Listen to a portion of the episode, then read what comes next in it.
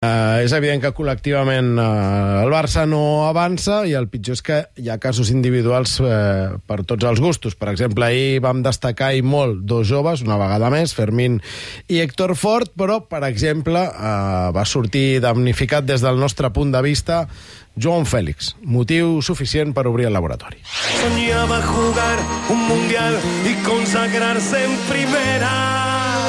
Tal vez jugando pudiera a su familia ayudar. ¡Grande Diego! Torque Lab. Ricard Torquemada, bona tarda. Bona tarda. Què, de Barbastre a Salamanca, eh? La Copa mola. Passant per Riyad. T'ha oblidat de Riyad. Sí, sí, home, ja, però ja ho feien en Copa. És veritat que la vida del Ricard, com la de, com la de l'Anaïs, és, és intensa.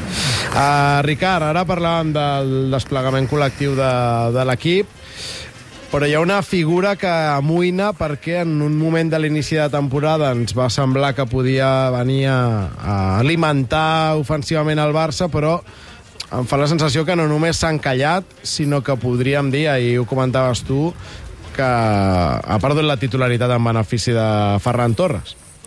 Bé, veurem què passa, però les pistes que ens ha deixat Xavi després del partit contra l'Almeria és que és un dels que assenyala, i a més ahir parla del córner i parla de la jugada prèvia al córner, que és una pilota perduda per Joao Fèlix, i jo crec que aquesta, aquesta explicació no és gratuïta, veurem què passa pròximament. Eh, jo crec que són eh, jugades que l'han assenyalat, jugades que l'han penalitzat, però n'hi ha d'altres que el podien haver penalitzat, com per exemple eh, contra el Girona la primera, el primer gol del Girona en una pressió que dimiteix en la sortida de Couto. Bé, coses que són pròpies de, de Joao Fèlix, no? Joao Fèlix és un futbolista de molta qualitat i de talent, això és eh, impossible negar-ho. Jo em vaig enamorar de Joao Fèlix fa alguns anys i encara queda alguna pista a YouTube de, de, de, de, la, de la meva admiració, però és un jugador que fins ara estem esperant que es converteixi, converteixi les seves pinzellades en un quadre, o algun quadre en una obra, per dir-ho d'una manera, no? Eh, fins ara sí que eh, insinua, però no acaba de, de completar, diríem, el, el, que, el que veiem en aquell futbolista, perquè el veiem eh, que és diferent eh, en, algun, en alguns aspectes. Eh, té una creativitat, una capacitat de, de resoldre situacions des del punt de vista tècnic privilegiada, però tot això no li dona després la consistència, la continuïtat eh, i, la, i el rendiment que hauria de fer. A, a la primera temporada amb el Benfica li va sumar el gol, que és una cosa que probablement no tenia tan injectada com va semblar aquell any, perquè després eh, les xifres han estat més, més modestes i el que veiem és que li costa també ser contundent, perquè és un jugador que probablement se sent més còmode jugant a futbol que rematant, no? És a dir, que el gol tampoc pot maquillar eh, les seves actuacions que són eh, discontinues, tot i que, atenció, ha fet 6 gols. Si el Joao Fèlix acaba la temporada amb 15 gols, no podríem dir que són mals números, ni de molt menys. Bé, i, i ahir n'hi van anul·lar un de,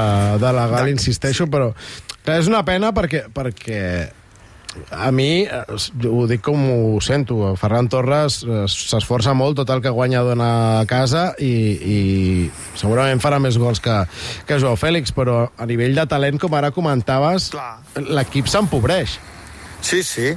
Eh, el que passa és que el talent ha d'estar al servei d'enriquir el, el, el, el, el, els mm. mecanismes col·lectius i Joao Fèlix no ha acabat de, de donar continuïtat a tot això.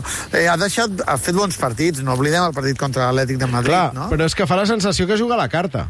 És a dir, ah, això mateix, sí, sí, que li costa molt eh, eh, comportar-se cada dia eh, d'acord al, al talent que té. I Correcte. això és una cosa que frustra molt als entrenadors i frustra els companys, perquè no saps en quin moment et sortirà la cara bona de Joao Fèlix o aquesta cara, com ahir la segona part, on perd pilotes que no tenen sentit. A tot això no hem d'oblidar que ell apareix en un context futbolístic que, que no li tocava. És a dir, tornem, rebobinem fins a l'estiu. El Barça ve de jugar amb els quatre migcampistes i els migcampistes van caient i es van lesionant. I Xavi es troba Jou Fèlix i diu, home, doncs per el talent que té, per l'última passada que té, per com es perfila entre línies, és capaç de jugar aquí, d'entendre el joc, bé, doncs me la jugaré amb ell. El Barça ha anat abandonant el quart migcampista. Recordo un Torquelab que vam dir, ara és quan Xavi haurà de decidir entre Jou Fèlix i el quart migcampista. I es va lesionar Gavi. O sigui, que eh, els quatre migcampistes ni gairebé han, han, han, han desaparegut. Mm. Um, des de fora ens vam pensar que el problema de Joao Fèlix era Simeone. Després d'haver-lo vist sis mesos aquí al Barça, eh, creus que el, que el Joao Fèlix que estem veient és el Joao Fèlix que podem veure o esperes que d'aquí al tram final de temporada sigui més semblant al que li van veure a l'inici que no el que li hem vist en els últims partits? Bé, jo, jo crec que alguns eh, deurien pensar que el problema de Joao Fèlix de Simeone i alguns han pensat sempre que el problema de Joao Fèlix és Joao Fèlix. Mm. No? O sigui, amb qui ha de passar comptes és amb ell. Ho dic perquè és, eh, no, no ha estat dues temporades amb Simeone. A tots aquests futbolistes, fins mm. i tot Griezmann, la primera temporada els hi va costar molt adaptar-se al que yeah. els hi demanava Simeone. Però els jugadors que van passar aquesta selectivitat, quan van arribar al segon any, es van convertir en molt millors jugadors. I Joao Félix no va ser ni al segon, ni en el tercer, ni en el quart, eh, bé, no sé si són 5 o, o aquesta seria la sisena temporada des que va arribar, més o menys.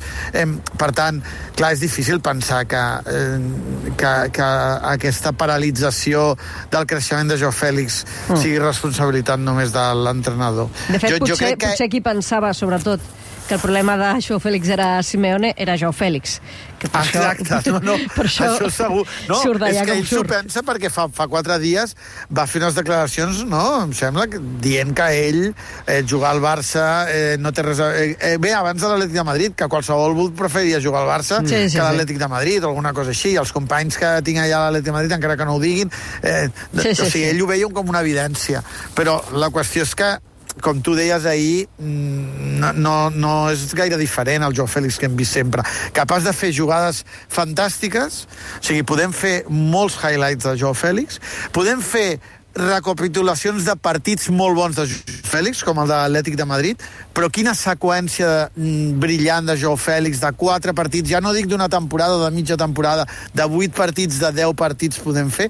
Clar, és jove, o sigui, és veritat, és un futbolista jove, per tant, jo no, jo no dimiteixo, o sigui, el que passa és que això depèn d'ell, i no sé si ell és conscient de tot això, o, sigui, o, o ho veu així, o ho veu d'una manera molt més eh, lúdica, és a dir, ell és feliç, juga a futbol quan li diuen, s'ho passa bé i no té més eh, responsabilitat.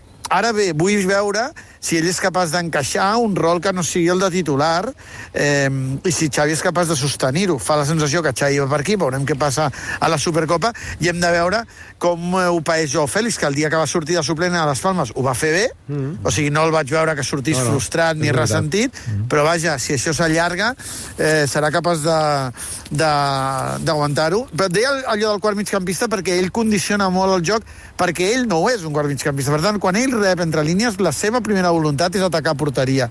Quan el Barça jugava amb quatre migcampistes, el Barça viatjava molt més junt, perquè el quart migcampista a vegades rebia i no atacava, sinó tornava a jugar eh, eh, o, o buscava una passada interior o buscava una passada més. Eh, I clar, i això fa que el joc del Barça sigui eh, més curt, més... més... A mi m'agradaria veure el Barça un altre cop amb el quart migcampista en algun moment.